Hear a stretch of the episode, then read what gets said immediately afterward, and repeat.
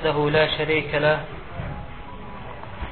وأشهد أن محمدا عبده ورسوله رب اشرح لي صدري ويسر لي أمري واحلل عقدة من lisani yafqahu qawli.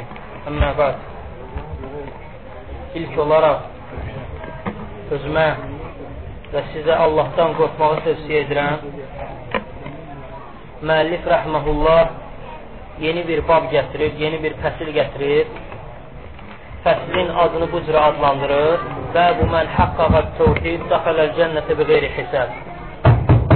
Kim ki təvhidi lazımı tərzdə yerinə yetirərsə, cənnətə sorğu-sualsız daxil olacaqdır. Cənnətə sorğu-sualsız daxil olacaqdır. Yəni, etdiyi hər hansı bir günaha görə sorğu-sual olunmadan cənnətə daxil olacaq. Yəni, o şəxslər ki, buna layiqdir, günah etsələr belə o günahlarına görə sorğu-sual olunmadan cənnətə daxil olacaqlar. Şeyxülislam İbn Teymiyyə buyurur ki, o şəxslər ki, cənnətə sorğu-sualsız daxil olacaqlar, həmçinin o şəxslər qəbr əzabı görməyəcəklər. Yəni, qəbr əzabı görmədən və e, qiyamət günü də sorğu-sualsız birbaşa olaraq cənnətə daxil olacaqdır həmin o şəxslər. Kim ki, tövhidi lazımi tərzdə yerinə yetirərsə, həmin o şəxs onlardan olacaqdır. Tövhidi lazımi tərzdə yerinə yetirmək üçün üç dənə şərt var. Üç, bu üç şərtə kim ki əməl edərsə, tövhidi tam olaraq lazımi tərzdə yerinə yetirmiş olur. Bu şərtlərdən birincisi elmdir. Birincisi elmdir. Yəni, insan bir şeyə əməl etməzdən öncə öyrənməlidir, yəni bilməlidir. Ona görə də birinci şərt elmdir. Allah Subhanahu Quran-ı Kərimdə buyurur ki: "Fa'lam ennehu la ilahe illallah." Bil ki, Allahdan başqa ibadətə layiq olan tanrı yoxdur. Muhammed surəsi 19-cu ayə. Allah Subhanahu burada təvhiddən qabaq fa'ləm deyir. Yəni bil, öyrən ki, Allahdan başqa ibadətə layiq olan tanrı yoxdur. Birinci elmi deyir, sonra təvhidi deyir. Ona görə ən birinci tələb olunan şey elmdir. Yəni insan təvhidi lazımi tərzdə yerinə yetirmək üçün ilk növbədə ondan tələb olunan şey elmdir. Birinci elmdir. Yəni, keçən dərslərimizdə buna toxunmuşuq, ona görə çox dərinə getmirik. İkincisi etiqaddır. Öyrəndiyi şeyə etiqad eləməlidir. O insan ki, etiqad eləyib, e, etiqad eləyirsə, ikinci şərtə əməl etmiş olur. Yəni, bildiyinə etiqad etməkdə ikinci şərt itir. Ona görə də ikinci şərti də yerinə yetirməlidir. Yəni, öyrəndiyinə etiqad eləməlidir. Yəni, Allah subhanət tanıdıqdan sonra, sonra tovhidi bildikdən sonra ona etiqad eləməlidir. Üçüncüsü isə ona əməl eləməlidir. Bu iki şərt olarsa, üçüncüsü olmazsa, tovhidi lazımı tərzdə yerinə yetirmişlərdən olmur. Ona görə də bu üç şərt biri-birindən asılı olan şeylərdir. Birinci elmdir, öyrənməlidir, Allahı tanımalıdır, tovhidi bilməlidir. İkincisi, ona etiqad eləməlidir. Üçüncüsü də ki, bil, o bildiyinə, o həmin o tovhidə əməl eləməlidir. Kim ki, bu üçünə lazımı tərzdə, lazımınca yerinə yetirərsə, yəni Allah subhanətələrin istədiyi kimi yerinə yetirərsə, həmin insanlar cənnətə birbaşa sorğu-sualsız daxil olacaqlar. Necə ki, Şeyxülislam İbn Teymiyyən qeyd elədiyi kimi, hətta qəbr əzabı görmədən belə cənnətə daxil olacaqlar. Günah etsələr belə həmin günahlarına görə sorğu-sual olunmayacaq həmin o insanlar. Yəni, burada heç inşallah deməyə də ehtiyac yoxdur. Çünki Allah subhanət vədi haqdır. Hər hansı bir hökmdə Allah subhanət deyibsə ki, yəni və yaxud da Peyğəmbər, Peyğəmbər sallallahu aleyhi və səlləm buyurub ki, bu cürə olacaq, demək olacaq. İnşallah deməyə ehtiyac yoxdur. Və müəllif rəhməhullah ilk olaraq Nəhl surəsinin 120-ci ayəsini gətirir burada. Allah Subhanahu taala Quran-ı Kərimdə buyurur ki: "İnne İbrahimə kana ummatan qanitan lillahi hanifan və lem yekun minel müşrikin." Allah Taala Nəhl surəsi 120-ci ayədə buyurur ki, həqiqətən İbrahim Allaha müti, hənif bir rəhbər idi.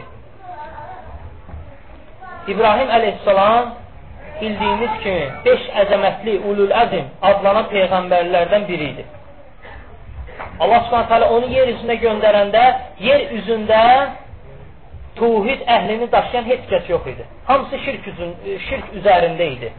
Bilirsiniz, İbrahim əleyhissalam Nəmrud hakimin dövründə Allah Subhanahu onu göndərir. Nəmrud da ki, rububiyyə, yəni Allahlıq iddia edirdi, özünün Allah olmasını iddia edirdi. Nəmrud. Yəni, kafir idi və insanları ona tabi olmaya çağırırdı. İbrahim əleyhissalam gələndə bütün insanlar, xüsusən onun qövmü ulduzlara və həmçinin də heykəllərə ibadət edirdilər. İbrahim əleyhissalam İraqın Dəbil adlanan yerində yaşayır. Bilirsiniz, yəni Quran-ı Kərimdə oxumursunuz onun qıssasını, sonra qövmü ilə arasında mübahisələr olur və çətinlikləri olur. Sonra İbrahim əleyhissalam Allahın izni ilə hicrət eləyir. Yəni, Dəbildən hicrət eləyir. İraq, e, İraq yerlərindən hicrət eləyir. Şama, oradan da ki, hicrətə hicrət eləyir. Şamda da ki, bildiyiniz kimi İshak oğlu olur və onun qovmundan gələn, e, onun belindən gələn Yahudilər Hicazda isə İsmail əleyhissalam olur, İsmail peyğəmbər olur və onun belindən də gələn ərəblər olur. Yəni İbrahim əleyhissalam həmin o insan idi ki, hansı ki Allah yolunda nə qədər çətinliklər görüb, onunla belə səbr eləyib. Nəinki səbr eləyib, səbrin ən üstün mərtəbəsinə layiq olub o insan. Yəni özünüz hekayəsini oxumusunuz, hətta onu oda belə tullayırlar, səbr eləyir. Hətta Allah subhanət hələ onu, oğlunu kəsməsini əmr eləyir. İbrahim əleyhissalam heç usta demədən razılaşır oğlunu kəsməyə. Hətta oğlu, oğlu İsmail əleyhissalam da razılaşır. Allah subhanət hələ buyurur ki, qalə yə əbəti. İsmail əleyhissalam buyurur ki, ey atacığım, if əlmə tu'mər, sənə əmr olunanı yerinə yetir, sətəciduni inşallah minə sabirin məni səbr edənlərdən görəcəksən. Həqiqətən də elə olur, bu imtihan olur. İbrahim əleyhissalam, həmçinin İsmail əleyhissalam üçün imtihan olur. Və İbrahim əleyhissalam bu imtihanlardan Allahın rızasını qazanaraq, səbrin ən üstün mərtəbəsi, mərtəbəsini qazanaraq bu imtihanlardan çıxır. Yəni Allah subhanətə onu ona görə bu ayədə qeyd eləyir. İnnə İbrahimə kənə ümmətən qanitən lillahi və ləm yekun minəl müşrikin. Həqiqətən İbrahim Allaha müti, hənif bir rəhbər idi və müşriklərdən deyildi. Nəyə görə İbrahim əleyhissalamı qeyd edir? Bayaq dediyim kimi, çünki yer üzündə tovhid, tovhid əqidəsini daşıyan heç kəs olmadı. İbrahim əleyhissalam zamanında tək olur. Allaha heç bir şey şərik qoşmur və sonralar isə Allaha, Allahın təkliyinə insanları çağırır. Ona görə də Allah Subhanahu burada buyurur ki, rəhbər idi yəni tovhid əhlinin rəhbəri İbrahim əleyhissalam idi. Çünki o cürə çətinliklərin qabağında tək olmasına baxmayaraq, cavan, uşaq olmasına baxmayaraq tovhidi lazımınca yerinə yetirdi və ona gələn müsibət, bəla, imtihanların hamısından Allahın rizasını qazanaraq səbrin ən üstün mərtəbəsi ilə o imtihanlardan çıxdı. Allah Subhanahu buyurur ki, həqiqətən İbrahim Allaha müti. Müti nə deməkdir? Müti, yəni ibadətdə davamlı olan, ibadət edir və o ibadətində davamlı olan şəxs müti adlanır. İbrahim əleyhissalam da o cürə insan idi. Allaha lazımınca ibadət edirdi və o ibadətini tərk etmədən davamlı olaraq yerinə yetirirdi. Necə ki, onun oğulluğundan biri, yəni oğullarından biri Muhammed əleyhissalam kimi, yəni Muhammed peyğəmbər kimi, yəni oğlu oğul dedikdə, yəni birbaşa oğlu yox, yəni onun sülaləsindən gələn Məhəmməd Peyğəmbər kimi. Necə ki, Ayşə radiyallahu anhə onun halını vəsf edərək buyurur ki, Peyğəmbər sallallahu aleyhi və səlləm hər bir halında Allahı zikr edirdi. Bir oturanda, qalxanda, yatanda, duranda, yiyəndə, içəndə, hətta ayaq yoluna belə gedəndə Allahı zikr edirdi. Gecə və gündüz Allahı zikr edirdi. İbrahim əleyhissalam da bu üzrə idi. Allah subhanətələ onu ona görə Quran-ı kərimdə müti adlandırır. Yəni, davamlı olaraq ibadət edən adlandırır. Sonra isə Allah subhanətələ buyurur ki, həqiqətən İbrahim Allaha müti, hənif bir rəhbər idi və müşriklərdən deyildi. Nəyə görə hənif deyir? Hənif də odur ki, yəni taətə müxalif olan hər bir şeyi tərk, tərk etmək hənif adlanır. Yəni Allaha ibadətə, itaətə müxalif olan hər bir şeyi İbrahim əleyhissalam tərk eləyirdi. Ona görə də Allah subhanətələ onu tərifləyərək bu sifətlə adlandırır ki, İbrahim əleyhissalam Allaha müti, hənif bir rəhbər idi. Allah Taala burada rəhbər imam sözünü gətirir, ümmə sözünü gətirir. Kənə ümmətən deyir İbrahim. Yəni ümmə sözünü deyir və biz keçən dərslərimizdə qeyd elədik ki, Allah Subhanahu taala Qurani-Kərimdə ümmə deyəndə 4 dənə şey nəzərdə tutur. Birincisi imam, necə ki bu ayədə imam rəhbər nəzərdə tutur. İkincisi zaman nəzərdə tutur. Üçüncüsü cemaat, dördüncüsü də ki din nəzərdə tutur. Bunların hamısı ayrı-ayrılıqda yadınıza düşürsə biz dəlil gətirdik Quran-Kərimdən. Sadəcə olaraq indi uzatmaq istəmirəm. Bu da dəlalət edir ki, ərəb dili necə də zəngin bir dildir. Həmçinin Quran-ı Kərim necə bir zəngin bir dildir. Bir mənanın neçə bir mə bir dənə söz neçə mənalarda işlənir. Baxın, ümmət sözünü Allah Subhanahu taala Quran-ı Kərimdə 4 dənə mənada işlədir. İmam, rəhbər mənasında, zaman, cemaat və din mənasında işlədir. Bunların ayrı-ayrılığına hamısını dəlil gətirdik keçən dərsimizdə Quran-ı Kərimdən. Allah Taala buyurur ki, həqiqətən İbrahim Allaha mütihənif bir rəhbər idi. Sonra da buyurur ki, "Və lem yekun minel müşrikin" və müşriklərdən deyildi. Allah Subhanahu taala onun təvhiddə, yəni təvhiddə davam etdiyini təsdiqləyərək buyurur ki, müşriklərdən deyildi. Yəni baxmayaraq ki, İbrahim əleyhissalam yer üzündə tək olur, onunla belə e, uşaqlığından belə Allaha şərik qoşmayıb İbrahim əleyhissalam. Deyir ki, müşriklərdən olmayıb. Ona görə Allah Subhanahu taala baxın, İbrahim əleyhissalamı bu ayədə dörd dənə sifətlə vəsf edir ki, həqiqətən İbrahim Allaha müti, hənif bir rəhbər idi və müşriklərdən deyildi. Sonra müəllif rahimehullah ikinci ə, bir də ki İbrahim əleyhissalamın yəni bir dənə faydanı qeyd edək ki, öz doğma atası küfr üzərində ölür. Düz alimlər ixtilaf ediblər atasının adının nə olması barədə. Quran-ı Kərimdə Ənam surəsinin 74-cü ayəsində Allah Subhanahu taala onun atasının Azər olduğunu qeyd eləyir. Lakin ixtilaf var, çünki bəzi nəsəb alimləri qeyd edir ki, onun atasının adı Azər yox, əmsinin adı idi. Ancaq Allah Subhanahu çünki ata sözü hərdən əmi sözü ilə də əvəz olunur ərəb dilində. Ona görə və həm də nəsəb alimləri onu xırdalayırlar ki, yer əmsinə çıxır Azər adı, atasına yox. Ancaq Allah Subhanahu taala Ənam surəsinin 74-cü ayəsində buyurur ki: "Və izqalə İbrahim li əbihi Azərə ətəttəxizu asnamen əlihə." İbrahim atası Azərə deyir ki, sən bütləri tanrı mı hesab edirsən? Ona görə Şeyx İbn e, Muhammed ibn Salih Əl-Useymin rahimehullah buyurur ki, Allah Subhanahu taala burada açıq aydın bəyan edir ki, onun adı Azər idi və düzgün rəy də budur ki, onun atasının adı Azər idi. Və Azər də küfür üzərində ölür və qiyamət günündə necə hədisdə gəlir, kaftar simasında həşr olunacaqdır. Sonra müəllif rəhməhullah ikinci ayəni gətirir Həmin ayə də Müminun surəsində də Allah Subhanahu taala buyurur ki: "Vəllezînehum bi rabbihim la yüşrikun." O şəxslər ki, Rəblərinə şərik qoşmazlar.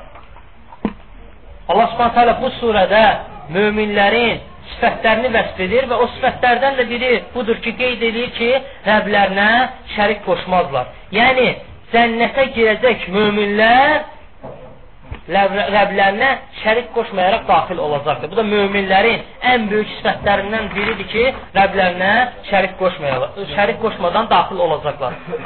Ancaq bir şeyə diqqət yetirin ki, ümumiyyətlə bu məsələ bəzi qardaşları çaşdırır. Şirk özü şəriətdə iki mənada işlənir. Ümumi məna və xüsusi məna. şirkin ümumi mənası odur ki, şəriətə müxalif olan hər bir şey şirk adlanır. Buna da dəlil var Qurani Kərimdən. Allah Subhanahu taala buyurur ki: "Əfəraytə men ittəxəzə iləhəhu həvahu" nəfsinin istədiklərini, ila, nəfsinin istədiyini ilahi, ilahiləşdirən şəxsi görmədinmi? Nəfsini yəni nəfsini istədiyini qabağa çəkəni Allah Subhanahu taala deyir ki, ilahiləşdirir nəfsini. Yəni, istədiklərini qabağa çəkənləri Allah Subhanahu taala deyir ki, istədiklərini ilahiləşdirir. Bu ayə dəlalət edir ki, insan Allahın əmri ilə yox, öz istədiyinə tabi olub bir şey eləyərsə, şəriətə müxalif. Və bu şirkdir. Yəni, həmin şeyi Allaha şərik qoşmuş olur. Ancaq bu ümumi mənasıdır. Burada şirk həmən o Allaha tutulan şərik nəzərdə tutulmur. Yəni, bunun, bu şirk dedikdə ümumi mənası odur ki, şəriətə müxalif olan bir şey şirk adlanır. Bu ümumi mənasıdır. Ancaq ikinci mənası isə, yəni xüsusi mənası Allaha layiq olan, yəni tək ona layiq olan bir şeydə onun yəni xüsus, onun xüsusiyyətlərindən olan hər hansı bir şeydə ona şərik qoşulan şey şirk adlanır. Yəni həmin bu şirki Allaha qoşan cənnətə daxil olmayacaq. Birinci, ümumi şirki yox. İkinci şirki. Çünki hər bir insan şəriətə müxalif əməllər görür. Yəni, bu da ki, insan təbiətindəndir. Heç bir insan məsum deyil. Yəni, hər bir insan günah edəndir. Yəni, bu da ki, Allah subhanət hələ insanı belə yaratdığı üçündür. Necə ki, Peyğəmbər sallallahu aleyhi və səlləm hədisində buyurur, Kulli bəni ədəmə xatta. Hər bir Adəm övladı xəta edəndir. Və sonra buyurur ki, və xeyrül xəttaunə tövvəbun. Və ən xeyirli xəta edənlər də tövbə edənlərdir. Ancaq Allah subhanətə bu ayədə ki, möminləri vəsf edərək buyurur ki, vəllezine hum bi rabbihim la yüşrikun, Rəblərinə şərik qoşmazlar. Yəni onu nəzərdə tutur ki, həmçinin onlar Allaha asi, şəriətə bir müxalif hərəkət gördükdə ardınca gecikdirmədən tövbə edərlər tövbətün nasuh, yəni səmimi qəlblə şərtlərinə, şərtlərini yerinə yetirərək Allaha tövbə edərlər. Bu da ki, bəyənilən bir əməldir. Çünki hər bir insan şəriəti müxalif hərəkət edir, özündən asılı olaraq və yaxud da olmayaraq. Çünki insan naqisdir. Ancaq Allah Taalanın vəsb elədiyi şəxslər, cənnətə layiq olduğu şəxslər, cənnətə sorğu sualsız girən şəxslərin o üçüncü şərti də odur ki, əməl edir xəta etdikdən sonra gecikdirmədən tövbə edərlər və həmin o xətalarından qayıdarlar. Sonra müəllif rəhməhullah bir qıssa gətirir burada. Yəni çox ibrətli bir hekayədir. Varid olmuş, səhih bir hekayədir. Uzundur. İnşallah bunu çalışacaq bir qismini bu dərsdə, gələn qismini isə gələn dərsimizdə şərh eləyək. Hekayə budur ki, təbiinlərdən olan Hüseyn ibn Abdurrahman rahiməhullah buyurur ki, Səid ibn Cübeyrin yanındaydım. Bunlar ikisi də təbiin idi. İnşallah hekayə uzundur. Hekayəni oxuyuram, şərh eləmədən. İnşallah sonra bu dərsdə başlayacaq şərh eləmə və gələn dərsdə inşallah geniş tamamlayacaq. Hüseyn ibn Abdurrahman buyurur ki, Səid ibn Cübeyrin yanındaydım. Səid ibn Cübeyr dedi, sizlərdən hansınız dünən axşam batan ulduzu gördü. Yəni bunun hamısı şahidi olmuşuq. Ulduz görürsən bəhsdən gedib batır. Səid ibn Cübeyr də onu soruşur ki, kim o ulduzu görüb? Hüseyn ibn Abdurrahman rahmehullah buyurur ki, mən görmüşəm. Sonra buyurur ki, "Əmə inni ləm akum fis-salah." Ancaq mən namazda deyildim. Subhanallah, kəlməyə fikir verin. Yəni heç ondan soruşan olmadı ki, sən namazdaydın, ayaqda namazda deydin. Ancaq sələflər gecəni yatmayanda hamı başa düşür ki, o insan namazda olub. Çünki gecə namazı barədə danışacağıq. Elə bir şeydir ki, sələflərin sifətlərindən idi. Sonra Hüseyn ibn Abdurrahman buyurur ki, mən namazda deyildim. Ardınca buyurur ki, "Vəlakinni ludirtu." Və lakin məni əqrəb sancmışdı. Yəni əqrəb sancdığı üçün mən gecəni yatmamışam və həmin ulduzu görmüşəm. Səid ibn Cübeyr rəhməhullah buyurur ki, "Fəmə sənətə neynədin?" Yəni neynədin ki, keçdi? Sonra Hüseyn ibn Abdurrahman buyurur ki, irtaqaytu, ruqyə elədim. Ancaq bu e, müəllif rahimehullahın gətirdiyi bu rəvayət düzgündür, ancaq Müslimdəki rəvayət daha doğrudur. Orada buyurur ki, istarqaytu. Yəni ruqyəni tələb elədim. Mənə olsun edilməsini kimdənsə tələb elədim. Yəni Hüseyn ibn Abdurrahman buyurur. Sonra Səid ibn Cübeyr ona sual verir. Deyir ki, sənə nə vadar elədi ki, bu ruqyanı tələb elədin? O da buyurur ki, Hüseyn ibn Abdurrahman, bir həd, Şabinin bizə danışdığı hədis. Sonra Səid ibn Cübeyr təzədən soruşur. Şabi sizə hansı hədisi danışıb? Hüseyin ibn Abdurrahman buyurur ki, Şabidən eşitdik, bizə danışdı. Burayı da bir Hüseyb radiyallahu anhu Peyğəmbər sallallahu aleyhi və səlləmdən belə eşidib. Sonra hədisi danışır. İllə ruqyətə illə min ayn oxumə.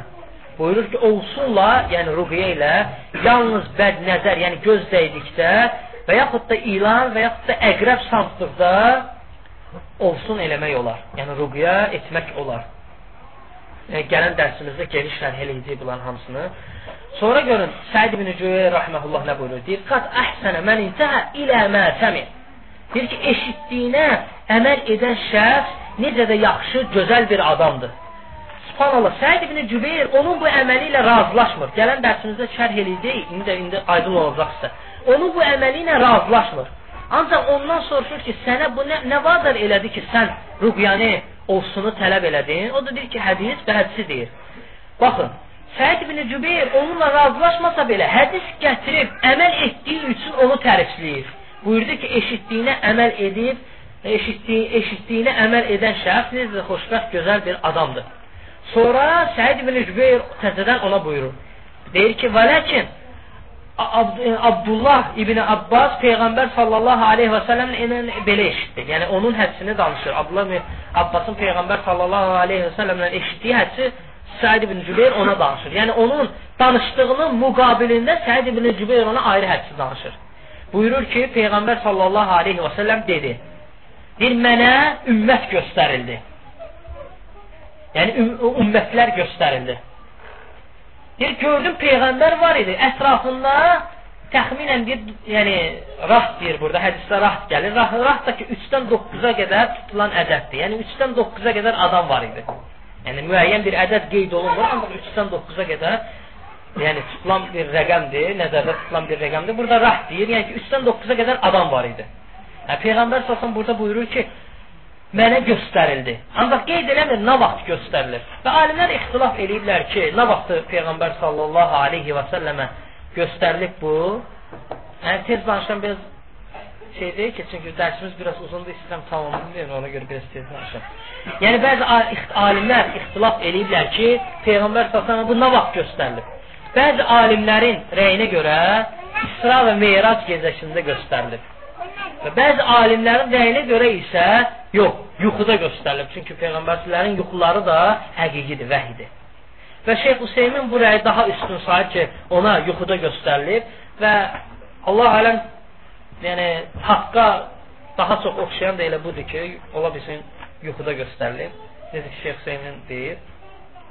Bir sonra deyir, mənə bir peyğəmbər göstərildi ətrafında iki nəfər var idi və Peyğəmbər göstərildi ətrafında bir nəfər və Peyğəmbər göstərdi ətrafında heç kəs yox idi.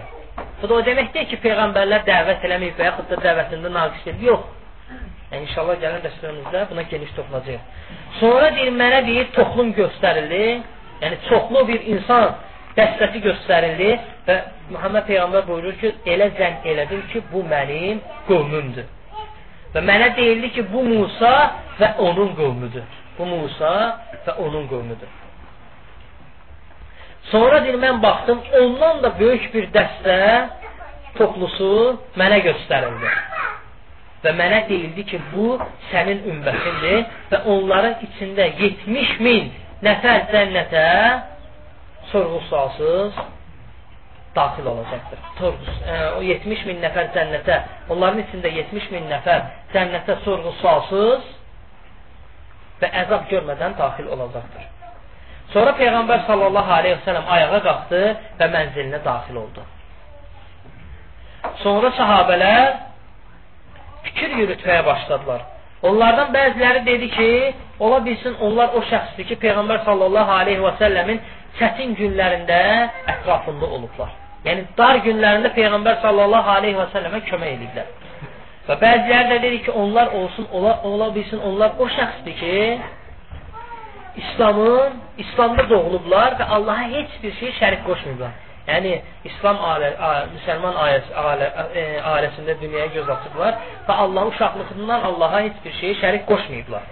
Və bu cürə fikirlər yürütməyə başladılar. Sonra Peyğəmbər sallallahu aleyhi və səlləm onların arasına çıxdı, yəni qayıtdı. Və Peyğəmbər sallallahu aleyhi və səlləmə olduğu şeyləri xatırladılar, yəni e, fikirlərini xatırladılar. Peyğəmbər sallallahu buyurur. Buyurur ki, onlar o şəxsdir ki, o 70 min nəfər hansı ki cənnətə sorğu sualsız, əzab görmədən daxil olacaq. Deyir, onlar o şəxsdir ki, ruhiyyəni tələb eləməzlər. Yəni, olsunu tələb eləməzlər. Kiməsə qeyib deməzlər ki, mənə olsun oxu. Sonra deyir, ruhiyyəni tələb eləməzlər. Bu bir.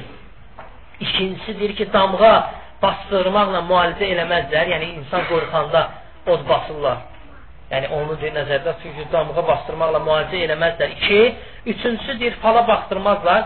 Fal yox, burada e, o o adət ənənə ki var ki, məsələn deyir, süpürgə ayağıma dəydi, qaşıq düşdü, axşam qonaq gələcək, qara pişik keçdi, nə olacaq? Bu cür şeylər nəzərdə tutulur. Üçüncü və dördüncüsü də deyir ki, Rəblərinə təvəkkül edərlər. Sonra Üqaş ibn Məhsan radiyallahu anhu qalxır ayağa və buyurur ki, Ya Rasulullah, Allaha dua elə ki, mən onlardan olum. Və Peyğəmbər sallallahu buyurur ki, əntə minhum. Sən onlardansan.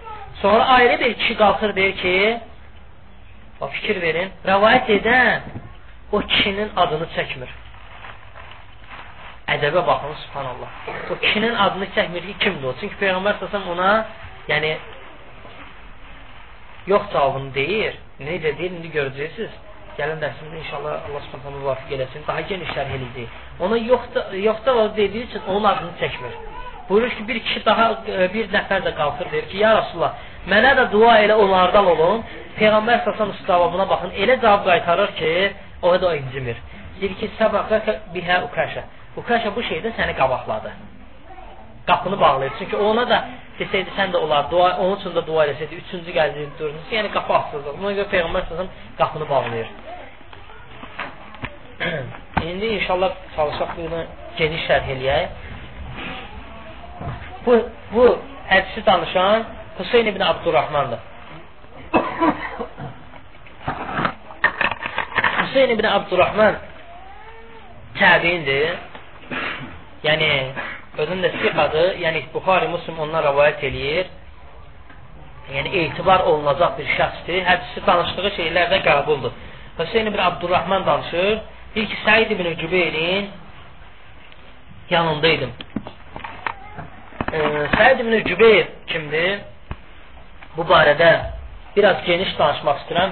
Çünki Səid ibn Cübeyr özü təbiindir. Yəni təbiin nədir? Peyğəmbər sallallahu, ə, e, sallallahu aleyhi və səlləmi görməyib. Ancaq onun səhabələrini görüb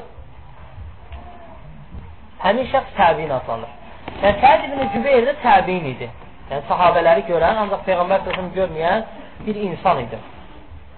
Səid ibn Cübeyr həddindən artıq İslam tarixində iz qoyub. Yəni onun rəvayət etdiyi hədisləri Buxari, Muslim inat etmədən qəbul edirdilər. Həmçinin də digər hədis alimləri qəbul edir. Çünki Səid ibn Cübeyr doğrudan da həm çox elmli təbiin idi. Yəni həddindən artıq elmli idi. Həmçinin də həddindən artıq ibadətə meyilli idi, ibadət edirdi. Həm də həddindən artıq İslam üçün özündən sonra çoxlu əməllər qoyub gedib. Allah subhanələdən istəyir ki, onun günahlarını bağışlasın və onu cənnət əhlindən eləsin. Yəni, həmin o şəxsin çox danışmaq istəmirəm, bir dənə ölüm halını xatırlanmaq istəyirəm. Ancaq bir-iki məqamı qeyd eləmək istəyirəm. Əsbaq bin Zeyd buyurur ki, onun ibadətindən danışır. Bir Səid ibn Cübeyrin bir dənə xoruzu var idi. Səs aydın gəlir, qardaşlar, arxaya. Bir Səid ibn Cübeyrin bir dənə xoruzu var idi. Və bu xoruz onu gecə namazına çağırırdı. Yəni, xoruz banlayırdı gecə namazının vaxtında hər zaman, hər dəfə. Və Səid ibn Cübeyr onun sayəsində gecə namazına qalxırdı və gecə namazını sübhə qədər dayanmadan qılırdı. Və bir gün elə olur ki, xoruz banlamır, Səid ibn Cübeyr də sübh namazına oyanır, ancaq gecə namazını qıla bilmir. Həmin günü Səid ibn Cübeyr gecə namazını buraxır. Və bu da buna çox ağır gəlir. Çünki Səid ibn Cübeyr həmişə gecə namazını qılardı. Həmçinin də gecə namazını qılmağın böyük bir fəziləti var. İnşallah toxunacaq dərsimizdə. Bu Səid ibn Cübeyrə ağır gəlir. Və hissənir, dua edir, deyir ki, Allah taala səni səsbi kəssin. Toyuq, e, xoruz ondan sonra banlamır. Allah, anası buyurur ki, Anası buyurur ki, bu gündən sonra ey oğlum deyir, bir daha heç bir şey üçün bəddua eləmə. Təsəvvür edirsiniz, dua eləyir, xorusun, Allah satır, qəbul edir duasını. Yəni, xoruz bir daha bağlamır. Təsəvvür edirsiniz, orasına toxunmaq istəmirdim. Bir dənə, bir dəfə gecə namazını qıraq, buraxdığı üçün necə pis olursa, ə, e, həmin o Said ibn Cübeyr, Allah ona rəhmət eləsin, bir dəfə. Ancaq biz, subhanallah, aylarla, illərlə namazı qılmırıq, nəinki pis heç yadımıza belə düşmür. Həmçinin Qasim bin Əbu Əyyib rahiməhullah buyurur ki, Səid ibn Cübeyr namaz qılırdı, gecə namazı. Bu ayə yetişdi, hansı ki Bəqərə surəsinin 281-ci ayəsidir. Allah Teala buyurur ki: "Vəttəqu yawman turcaun fihi ila Allah." Bir Allahın dərgahına qayıtdığınız gündən qorxun. Yəni o gün sizin halınız necə olacaq? Allahın qabağında dur durduğunuz gün. Bir Səid ibn Cübeyr bu ayəni 20 neçə dəfə təkrar eləyib ağlayırdı və o biri ayə keçə bilmirdi. Yəni o cürə ibadət əhli idi. Hətta Hilal ibni Hilal buyurur ki, rahməhullah buyurur ki, Səid ibn Cübeyr Kəbəyə daxil oldu, bir rükətə bütün Quranı xətm elədi. O cürə ibadət eləyirdi. Yəni o cürə ibadət eləyirdi. Vəfə bin İyyəs buyurur ki, Səid ibn Cübeyrdir, Ramazanda məğriblə işə arasında Quranı bir xətm edirdi. Düzdür, işə namazını biz deyir, çox gec qılırdıq. Amma deyir, məğrib işə namazında Səid ibn Cübeyr Quranı xətm edirdi. Düzdür, yəni üç gündən tez Quranı xətm eləmək bəyənilmir, ancaq sələflər o qədər Qurana bağlı idilər ki, yəni bu vaxtda, bu cürə tez vaxtda Quranı xətm edirdilər. Hətta onun elmi də dərya idi, bayaq qeyd elədiyim kimi, Kufə əhli yığışır, o da Kufədə yaşayıb Səid ibn Cübeyr rəhməhullah. Kufə əhli yığışır. Abdullah ibn Abbasın yanına gəlir, bəzi sualları olur. Gəlirlər Abdullah ibn Abbası sual verəndə Abdullah ibn Abbas buyurur ki, siz hardan gəlmişsiniz? Buyurur ki, biz Kufədən gəlmişik. Deyirəm, subhanallah. Deyir, sizin aranızda axı Səid ibn Cübeyr var. Mənim yanıma gəlməyə ehtiyac yoxdur. Subhanallah. Təsəvvür edirsiniz, səhabə o səhabə ki, Peyğəmbər salsın onun elmli olması üçün dua eləmişdi. Təbiin barədə görünə buyurur. Sizin arada Səid ibn Cübeyr kimi adam var deyir, ondan soruşun deyir. Mənim yanıma gəlməyə ehtiyac yoxdur. Subhanallah, baxın. Meymun buyurur ki, Səid ibn Cübeyr öldüyü gün yer üzündə elə bir insan yox idi ki, onun elminə möhtac olmasın. Təsəvvür edirsiniz, subhanallah. Necə bir insan idi.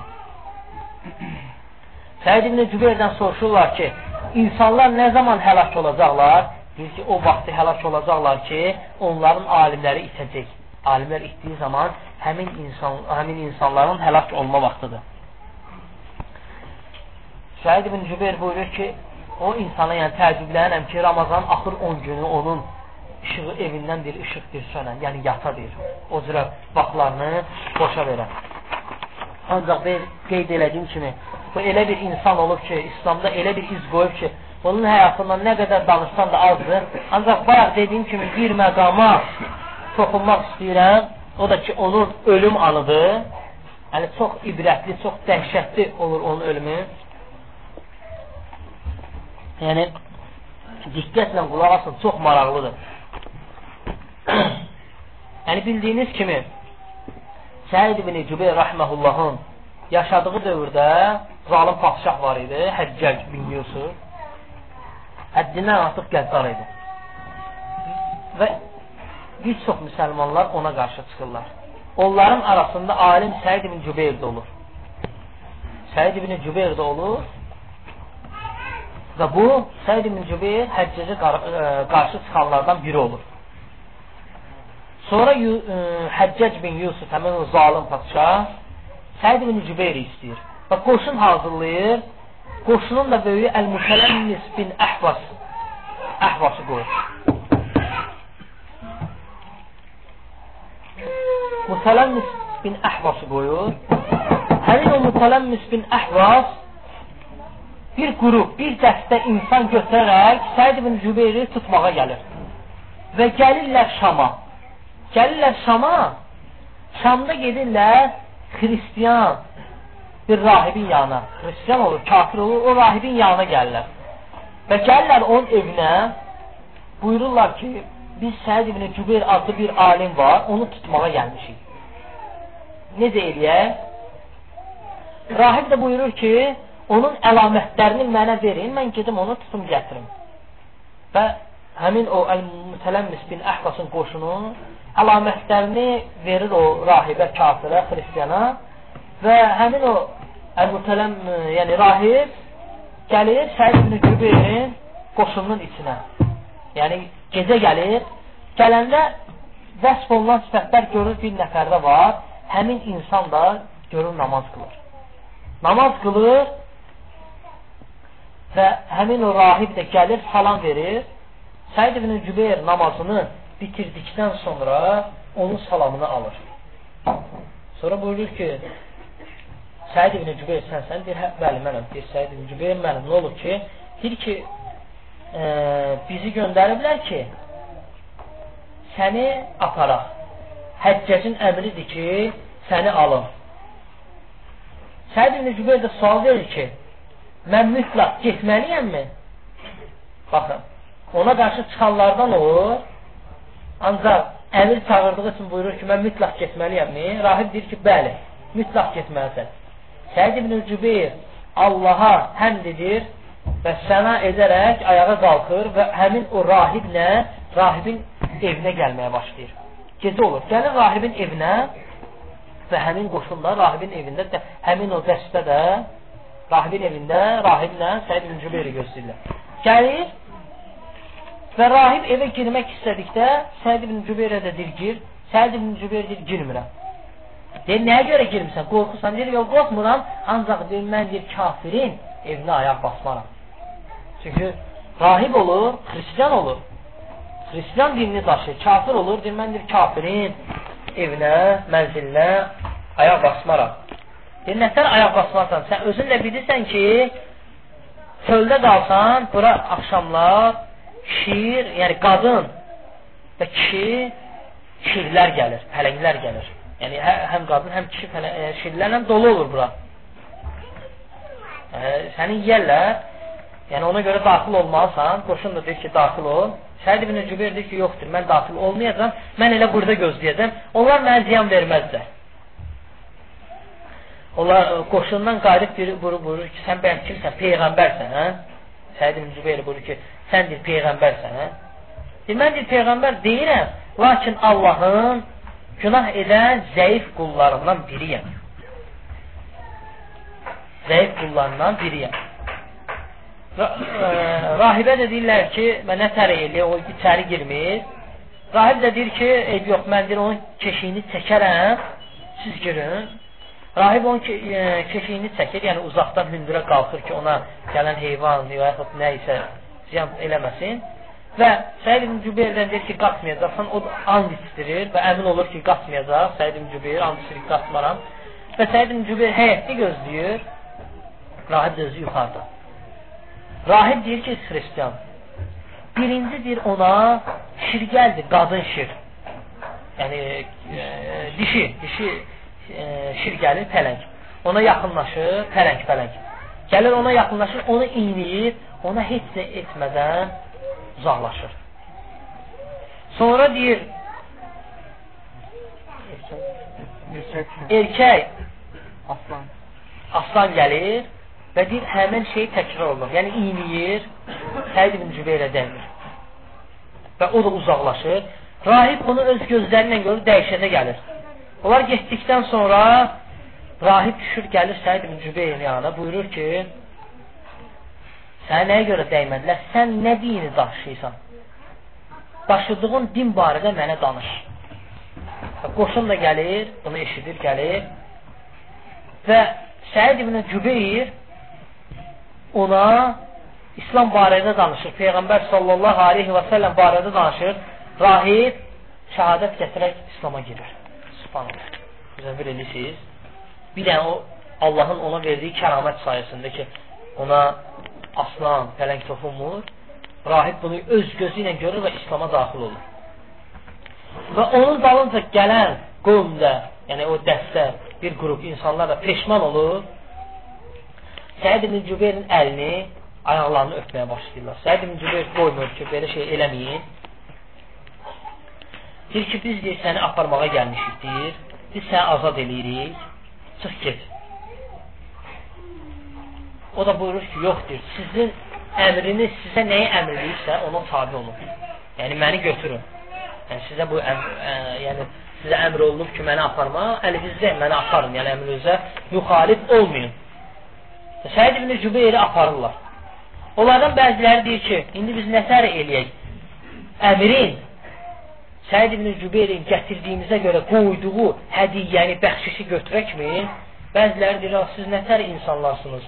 Bəyəm siz pələngin yəni öz gözünüzlə görmədiniz ki, gəlib ona toxunmamasını. Bu şeylərin özümüzdür, özümüz şahidi olduq. Və deyir, onlar deyir, Səid ibn Cübeyr apardıqlarına görə ağlayırdılar. Səid ibn Cübeyr də deyir, onlar tutduğu gündən nə yedi, nə içdi, nə deyir, gülürdü, heç nə deyir, sakit yanmışdı. Onlar qayıdıb dedilər ki, vallahi deyir, yer üzündə səndən xeyirli insan görməmişik. Kaş ki, səni deyir, əvvəlcədən biz tanıyardıq.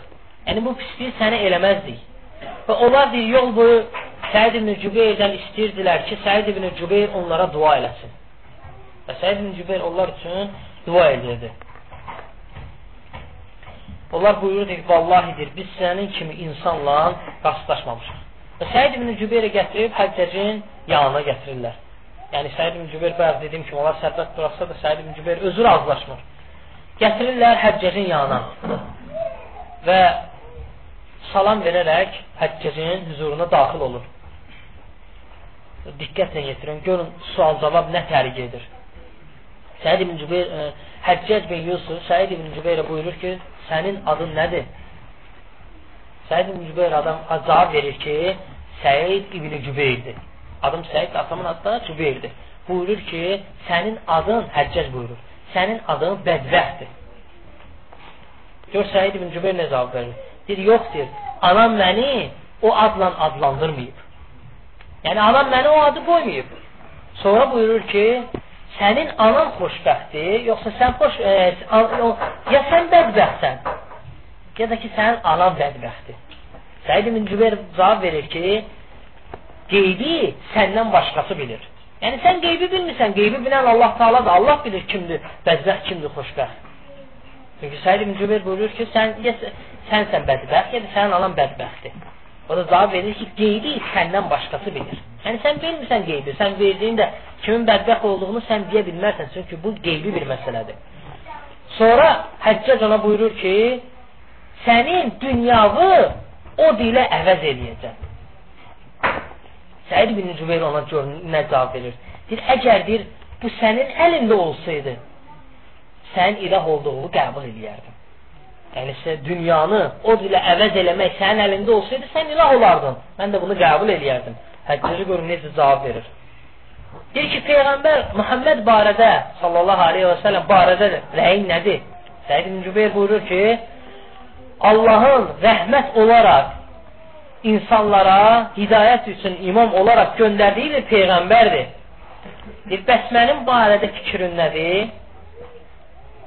Cənnətliyəm, yoxsa cəhənnəmlik? Həccac ondan soruşur. Buyurur ki, cənnətə girsəydim, oranın əhlini görərdim və oranın əhlini tanıyardım ki, kim cənnətli idi, kim cəhənnəmlik. Yəni Səid ibn Həccac ona suallar verir. Sualların müqabilində istədiyi cavabı ondan ala bilmir. Fikir verirsiniz alimin cavablarına. Deyir ki, xəlifələr barədə fikrin nədir? Deyir ki, mən onların heç birinə Allah dərgahında zamin durmuram. Yəni, mən kiməm ki, Allah dərgahında kiməsə zamin durum? Deyir ki, onlardan hansını daha çox istəyirsən, daha çox səni təəccübləndirir, daha çox xoşuna gəlir, yəni o xəlifələrdən hansı? Buyurur ki, Rəbbimin daha çox, Rəbbim deyir, onların hansından daha çox razıdırsa, mən də ondan da o, o, ondan razıyam. Deyir, sənin Rəbbin, yəni xaliqdir, yaradandır, onların hansından daha çox razıdır. Deyir, o elm, deyir, məni Allahın dərgahındadır, deyir. Sonra görün Həccəc nə buyurur? Deyir ki, vay sənin halına. Səid ibn Cübeyr gör nə buyurur. Deyir, vay o şəxslərin halına ki, cənnətdən uzaqla, uzaqlaşıb cəhənnəmi qazanıblar. Sonra Həccəc buyurur ki, özün üçün ölümsiz və həmin ölümlə səni öldürün. Yəni, e, hansı ölümü istəyirsən, denə səni o cürə də öldürün. Buyurur ki, Səid ibn Cübeyr, fərqi yoxdur, deyir. Sən özünsiz, hansı ölümlə öldürmək istəsən, öldür. Onsuz da inşallah qiyamət günü həmin cürə də mən səni öldürəcəyim, deyir. Mən səndən əvəzimi alacağam. Sonra gör nə buyur? İstəyirsən, deyir, səni bağışlayayım. Deyir, bağ e, yox, deyir ki, e, istəyirsən səni bağışlayayım, yəni səni bağışlayayım, çıxıb gedəsən, buyurur ki, əgər bir bağ bağışlamaq sənin əlindədirsə, bəs Allah Taala kimdir? Yəni sənin əlində deyil, Allahın əlindədir bağışlamaq. Həccac özündən çıxır hissəni, əmr edir ki, boynunu vurun. Deyir, o icazə alır ki, mənə icazə verin, ölümümdən qabaq iki rükət namaz qılın. Və deyir ki, yəni icazə verirlər ki, ona iki rükət namaz qılsın. Amma görün həccac nə deyir? Deyir, ancaq deyir, icazə verin, deyir, ona iki rükət namaz qılsın. Ancaq onu xristiyanların Kəbəsinə tərəf döndərin. Təsəvvür edirsiniz, Kəbəyə tərəf yox. Xristiyanların qibləsinə tərəf döndərin yəni xristianların qibləsinə tərəf döndərir. Sonra Həccəc bu ayəni oxuyur ki, "Fəəynə mətuvəllu vucuhakum fətamma vəchullah." Üzünüzü hansı tərəfə döndərsəz də, yəni hansı tərəfə namaz qılsınız, Allah Subhanahu taala, yəni Allahın üzü o tərəfdədir. Hansı tərəfə qılsan qıl, amma onu xristianların qibləsi tərəfə döndərir. Sonra Səid ibn Cübeyr buyurur ki, mən də deyir Məryəm əleyhissalamın Allaha sığındığı kimi, mən də deyir onun kimi sənə sığınıram. Deyir, o da buyurur ki, Həccac deyir Məryəm əleyhissalam necə Allaha sığınır? O da bu ayəni oxuyur ki, Səid ibn Cübeyr, "İnni uizu bir-Rahman minkə in kunta faqir." Əgər sən təqvalısansa, yəni səndə əgər heç olmasa təqva varsa, mən yəni Rəhmana sığınıram. Bu ayəni oxuyur. Sonra Səid ibn Cübeyrin əmr edir ki, boynunu vurun. Boynundan qabaq əllərini açıb dua edir ki, Allahım deyir. Buna deyir, fürsət vermə ki, məndən sonra kimisə bu cürə öldürsün. Səid ibn Cübeyri öldürürlər. Həccac ondan sonra cəmi bir nəfəri öldürə bilir. O da adi ölümlə öldürür. Sonra Həccac onu öldürən kimi xəstələnir. 25 gün xəstə yatır, həkim çağırırlar. Həkim çağırırlar, həkim gəlir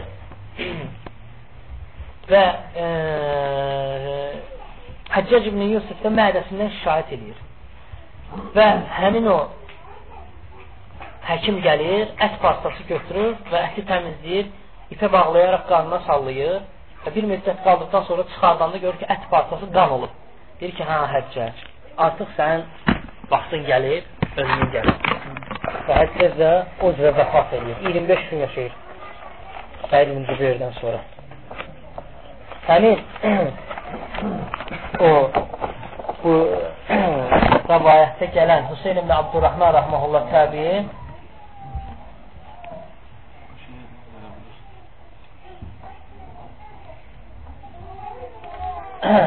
Hüseyin ibn Abdurrahman rəvayət edir. Buyurur ki, Səid ibn Cübeyrin yanında idim. Həmin o Səid ibn Cübeyr, həmin o danışdığım təbiin idi. Hansı ki, İslamda bu cürə iz qoyub, onun da ölümü bu cürə dəhşətli olub. Sonra buyurur ki, Səid ibn Cübeyr, sizlərdən hansınız gecə baxan o ulduzu görür. Yəni Hüseyn ibn Abdurrahman buyurur ki, mən. Sonra buyurur ki, əmə inni ləm əkun fissələ ancaq deyir, mən namazda deyildim. Yəni gecə namazında deyildim. Anıl, baxın, bunu demək istədim. Sələflər kimsə oyaq qaldıqda bilirlər ki, gecə namazı olur. Yəni, sələflərin simalarından, sifətlərindən idi ki, onlar gecə namazını tərk eləməzdilər. Çünki vacib əməllərdən sonra ən fəzilətli əməl məhz gecə namazı. Gecə namazıdır. Həmçinin Allahın sevgisini qazanmaq üçün ən böyük amillərdən biri də gecə namazıdır. Allah subhanətələ Quran-ı kərimdə dəfələrlə gecə namazı barədə danışır və onu qılanları tərifləyir. Peyğəmbər sallallahu aleyhi və səlləm baxmayaraq ki, Allah subhanətələ onu keçmiş və gələcək günahlarını bağışlamışdı, Peyğəmbər sallallahu gecə namazını tərk eləməzdi. Hətta o qədər gecə namazı qılırdı ki, dabanı belə qanıyırdı. Necə ki, Ayşə radiyallahu anhın hədsində gəlir, buyurur ki, Peyğəmbər sallallahu o qədər gecə namazı qıldı ki, hətta dabanından qan belə gəldi, buyurdum ki, ya Rasulullah, Allah subhanətə sənin keçmiş və gələcək günahlarını bağışlama, bağışlamayıb, bağışlamayıb, bağışlamayıb mı? Peyğəmbər səsən buyurur ki, əfələ əkun əbdən şəkura, bəyəm Allahın şükür edən qullarından olmayın mı? Əbu Hüreyrə radiyallahu anhu rəvayət edir ki, Peyğəmbər səsən Hər namazından sonra hansı namazın ən əfsəl sayılması barədə soruşdular. Peyğəmbər sallallahu aleyhi ve sellem buyurdu ki, fərz namazlarından sonra ən əfsəl sayılan namaz gecə namazıdır. Həmçinin Əbu Hüreyrə radiyallahu anh rəvayət edir ki, Peyğəmbər salsan buyurdu ki, müminin şərəfi gecə namazını qılmasıdır. Subhan, təsəvvür edirsiniz. Peyğəmbər salsan müminin şərəfini gecə namazını qılmaqda adlandırdı. Gecə namazını qılmaq müminin, müsəlmanın şərəfidir. Gecə namazını durmaqda görürsən ki, çox müsəlmanlara nəsib olmur. Yəni Allah subhanətələ müvafiq elədiyi az bir qismə müvafiq olur bu gecə namazı. Ancaq hər bir müsəlman gecə namazına durmaq üçün çalışmalıdır və gecə namazına durmaq üçün, qalxmaq üçün hansı ki, orada şərtlər var, o şərtlərə, o səbəbləri yerinə yetirməlidir ki, Allah subhanətə onu gecə namazına müvafiq eləsin. Yəni, o şərtlərdən birincisi də budur ki, səmimi qəlbdən müsəlman dua eləməlidir ki, Allah subhanə onu müvafiq eləsin ki, gecə namazına dura bilsin. İkincisi, gecə namazının heç olmasa fəzilətini bilməlidir. Fəziləti barədə oxumalıdır. Yəni, bu cür hədisləri bilməlidir ki, onun dində olan yerini, o namazın dində olan yerini dərk edə bilsin. Üçüncü, yatmazdan əvvəl çox yeməməlidir. Dördüncüsü, yatağa girməzdən öncə yatmaq ədəblərini, yatmaq ədəblərinə riayət eləməlidir. Beşinci, gündüz az da olsa yatmalıdır, dincəlməlidir. Altıncısı, işə namazından sonra çalışmalıdır ki, tez yatsın. Yəni, iş yoxdursa, tez yatsın. Yettincisi, hər namazlarını vaxtında qılmalıdır. Səkizincisi də ki, qiyamət gününü, qiyamət günü barədə düşünüb, onun üçün nə hazırladığını daima ağlında saxlasın. Yəni, hər bir müsəlman yatağına girib, yatağına girib yatmazdan öncə düşünməlidir ki, mən bugün Allah üçün, qiyamətim üçün nə eləmişəm. 9-uncusu da çalışmalıdır ki, dəstəmazlı halda yatsın. 10-uncusu da ki, günahlardan uzaq olmalıdır. Və bu şərt də 10-cu amil də ən böyük amillərdən biridir ki, Allah Subhanahu insanı gecə namazına durmaqda, durmağa kömək edir. Necə ki, İbrahim ibn Ədhəm, Allah ona rəhmət eləsin. Yanına gəlib buyururlar ki, bir nəfər gəlir onun yanına buyurur ki, gecə namazına qalxa bilmirəm, bunun əlazını mənə nə? İbrahim ibn Ədhəm rahiməhullah buyurur ki, gündüz Allaha asi olmaz ki, gecə namazına qalxa biləsən. Gecə namazına qalxmaq böyük şərəf, şərəfdir Və Allah subhanə də bu şərəfi asi qullarına vermir. Necə ki, bayaq Peyğəmbər sallallahu aleyhi ve hədisini qeyd elədi ki, Peyğəmbər sallallahu buyurur ki, müminin şərəfi gecə namazının durmasıdır. Həmçinin Süfyan-ı Sıvr rəhməhullah buyurur ki, təəssüf edərək buyurur ki, etdiyim bir günah ucbatından 5 ay gecə namazına qalxa bilməmişəm. 11-ci amillərdən də 11-ci odur ki, yuxudan qalxmaq üçün hər hansı bir şeyi vasitə götürsün, hə, ya, insana desin, onu qaldırsın və yaxud da saat və yaxud da bu cür şeyləri vasitə götürsün ki, gecə namazına qalxmağa ona kömək eləsin. Yəni, gecə namazının faydaları həddindən artıq çoxdur. Bunlardan bəhsini qeyd edirik. İlk odur ki, Allahın sevgisini qazanmağa ən böyük amillərdən biridir. Yəni, səbəb ki, Allahın sevgisini qazanasan. Necə ki, Əbu Dərdə Rahiməhullah radiyallahu anhu buyurur ki, Peyğəmbər sallallahu aleyhi və sələmlə eşitdi Peyğəmbər sallallahu dedi ki, üç nəfəri Allah taala sevər. Onlarla gülər və onlarla sevinər. Təsəvvür edirsiniz? Allah subhanahu üç nəfərlə o üç nəfəri sevər onlarla gülər və onlarla sevinər. Onlardan da biri hansıdır? İkincisi odur ki, gözəl qadını yumuşaq və rahat yatağı ola-ola gecə namazına qalxar. Uca Allah deyə, bu öz nəfsinin istəyini tərk edib məni zikr edir. Əgər o istəsəydi, yatardı. Təsəvvür edirsiniz? Gözəl rahat yerindən yuxunun şirin vaxtında qalxır və Rəbbinə ibadət eləyir, Allah subhanətələ o insanı sevər, o insanla gülər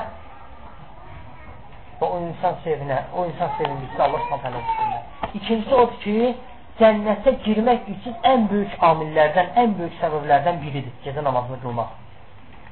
Necə ki, Abdullah ibn Sələm Yahudi olur, radiyallahu anh, Allah ona razı olsun, Yahudi olur.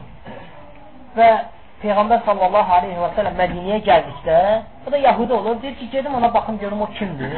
Hamı Mədiniyə qırağına tərəf gedir ki, Peyğəmbər sallallahu aleyhi və sələmi görsün. Və bu da gedir elə belə ki, görüm o kimdir ki, özünü Peyğəmbər iddia edir.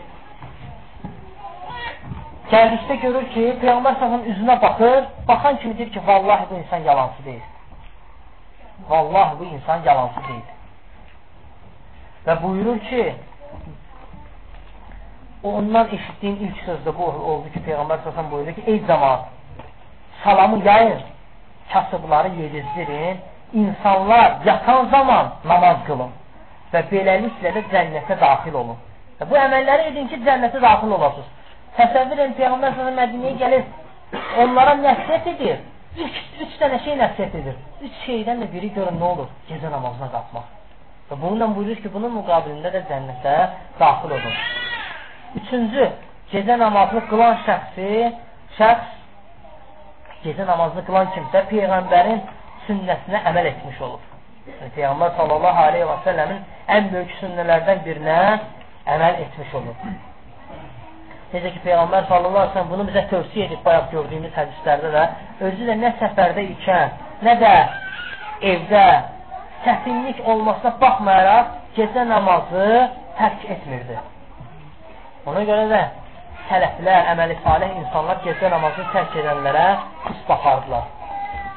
Necə ki, dördüncü amillərdən də, səbəblərdən də biri budur ki, əməli salih insanların adətlərindən sayılır gecə namazına qalxmaq, gecə namazını qılmaq.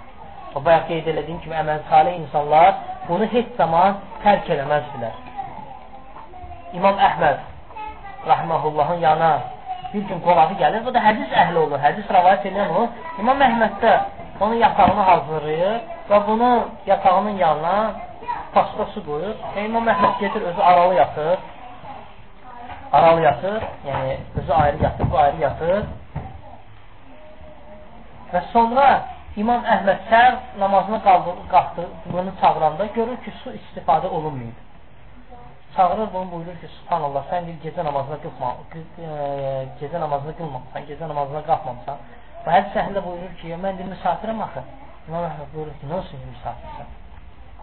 Və sələflər gecə namazını səfərdə olarkən və yaxud da evlərində olarkən heç zaman tərk eləməz, e, e, eləmə, eləməzdilər. Beşinci, insanı pis əməldən çəkindirən bir vasitədir. Gecə namazını qılmaq. Altıncısı, Altıncısı, kiçik günahları aparan ən böyük amillərdən biridir. Yettincisi, bədəni sağlam saxlayan amillərdəndir. Necə ki, Bilal radiyallahu anh rəvayət edir ki, Peyğəmbər sallallahu aleyhi və sələm buyurdu, gecə namazını qılın. Həqiqətən o, sizdən əvvəlki əməli salih insanların adətlərindən, Allaha yaxınlaşdıran vasitələrdən, pis əməllərdən çəkindirən, kiçik günahları silən və bədən xəstəliklərini aradan qaldıran amillərdəndir. Albani hədis səhiyləşdirib. Görürsünüz, subhanallah. Səkizincisi bu namazın ən əksəl vaxtında qılınması. Necə ki, Əbu Hüreyra radiyallahu anh rəvayət edir ki, Peyğəmbər səsən buyurur, Rəbbiniz gecənin axır üçdə biri dünya, dünya səmasına edir və deyir, mənə dua edin, duanızı qəbul edərəm. Mənə dua ed edənin duasını qəbul edərəm. Məndən istəyəni, istəyənin istəyini verərəm, məndən bağışlanma diləyəni də mən bağışlayaram. 9-cu savabın çox olması. Necə ki, Peyğəmbər sallallahu aleyhi və sələm buyurur, kişinin gizlində qıldığı nafilə namazının savabı insanlar arasında qıldığı nafilə namazların savabından 25 dəfə artıqdır. Çünki gecə sən qılanda səni heç kəs görmür. Ona görə. Necə ki, Muaz bin Cəbəl radiyallahu anh buyurur ki, mən Peyğəmbər sallallahu aleyhi və səlləmə dedim, ey Allahın elçisi, cənnətə daxil, cənnətə daxil edən, cəhənnəmdən uzaqlaşdıran bir əməli mənə öyrət. Bir əməli mənə öyrət. Və Peyğəmbər sallallahu aleyhi və səlləm də buyurur ki, sən çətin bir şey haqqında soruşdun.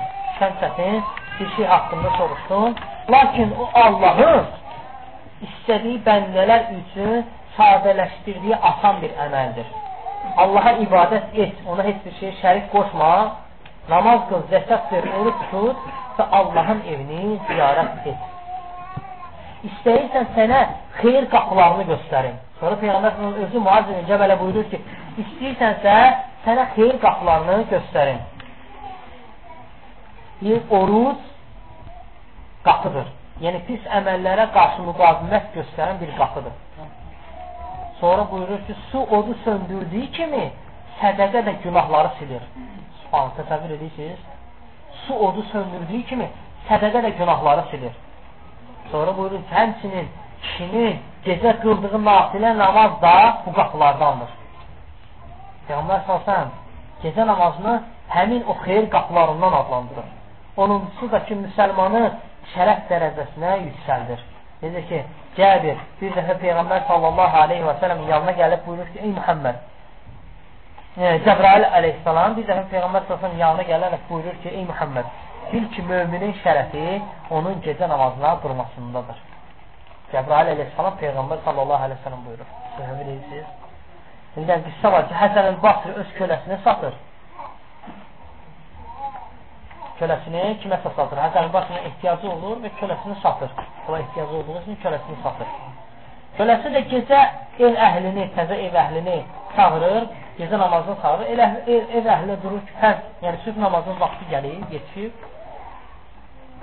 Həsən el-Basrin köləsi də buyurur ki, bəyəm siz fərz namazından başqa sünnə namazlarını qılmısınız? Səhər açıldıqdan sonra Həsən el-Basrin yanına gelib deyir ki, məni elə bir qövmə satmısan ki, onlar fərz namazından başqa heç bir namazı qılmır. Məni deyir, qaytar. Və Həsən el-Basri onu geri qaytarır. Gözə bilirsiniz? Həmçinin 11-ci səbəb də odur ki, insanın az yatmasına səbəbdir. Belə ki, insan çox yatanda qəlb ölür, qəlb sərtləşir və sərt qəlb də onun ölməsinə, qəlbin ölməsinə gətirib çıxardır. Həmçinin də bədənə ağırlıq gətirir. Və bir-iki sələflərin gecə namazı barədə dedikləri sözü də oxumaq istəyirəm. Muhammed ibn Mumtədir rəhməhullah buyurur ki, mənə dünyanın ləzzətindən yalnız üç şey qalmışdır. Birincisi gecə namazını qılmaq, ikincisi müsəlman qardaşlarınla birgə olmaq, üçüncüsü də ki, cəmaatla namaz qılmaq. Sonra Yezid ibn Ədən Rəşidi buyurur ki, bu dünyada ibadət əhlinin ibadət əhlini gecə namazından daha çox sevindirən başqa bir şey tanımıram. İbadət əhlini, sizə verirsiniz, gecə namazından daha çox sevindirən başqa bir şey tanımıram. Sağ bizə baxın, biz, biz gör, sevindiriz. Yahya ibn Muaz rəhməhullah buyurur ki, qəlb beş şey ilə müalicə olunur. Quranı oxuyub anlamaq, həddindən artıq yeməmək, üçüncü gecə namazına qalxmaq, dördüncü səhərə yaxın Allaha dua etmək, Beşinci də ki, əməli salih insanlarla dostluq eləmək. Sonra Fudayl ibn İyad, rahiməhullah buyurur ki, gecələri namaz qılıb, gündüzləri oruç tuta bilmirsənsə, günahlarından dolayı böyük bir xeyirdən məhrum olmuşsan. Çünki gecə namazına qalxa bilmirsə, bilsin ki, günahının ucbatından Allah subhanət hələ həmin insana gecə namazına qalxmağı müvafiq eləmir. Başqa bir rəvayətdə Fudayl ibn İyad rahiməhullah buyurur ki, gecələri yatıb Allahı yada salmayan şəxs Allahın sevdiyini iddia edirsə yalan danışmış olur. Görün nə bir subhanallah. Ətə Əl-Xurasan rəhməhullah buyurur ki, mömin bəndə gecə durub namaz qılanda sevinər, qəlbi şad olar. Yatıb qaldıqda isə kədərlərə ürəyi sıxılar. Və sonuncu da Səbit Əl-Bunəni rəhməhullah buyurur ki, özümü 20 il gecə namazını qılmağa öyrəşdirdim. Sonra isə də 20 il onun ləzzətini deyir, dadırdım.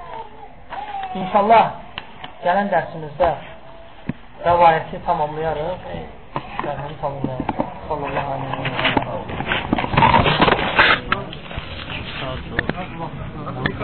sellem.